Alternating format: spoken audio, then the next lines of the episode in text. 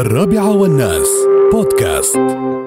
هني آه، هذه الفتاة سقطت آه، من الطابق 17 وهي كانت بتاخذ سيلفي. الله يرحمه ويصبر عليه.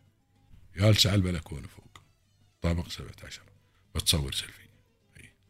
صورت نفسها وهي طايحة. الله يرحمها إن شاء الله. يا رب العالمين. فالواحد يتحمل حوزن ما يقدر خاصة لأن يشوفون هاي بعض المشاهير وبعضهم هاي اللي يوقف فيه على طرف البناية ولا يوقف على طرف الدريشة وهذا وشباب.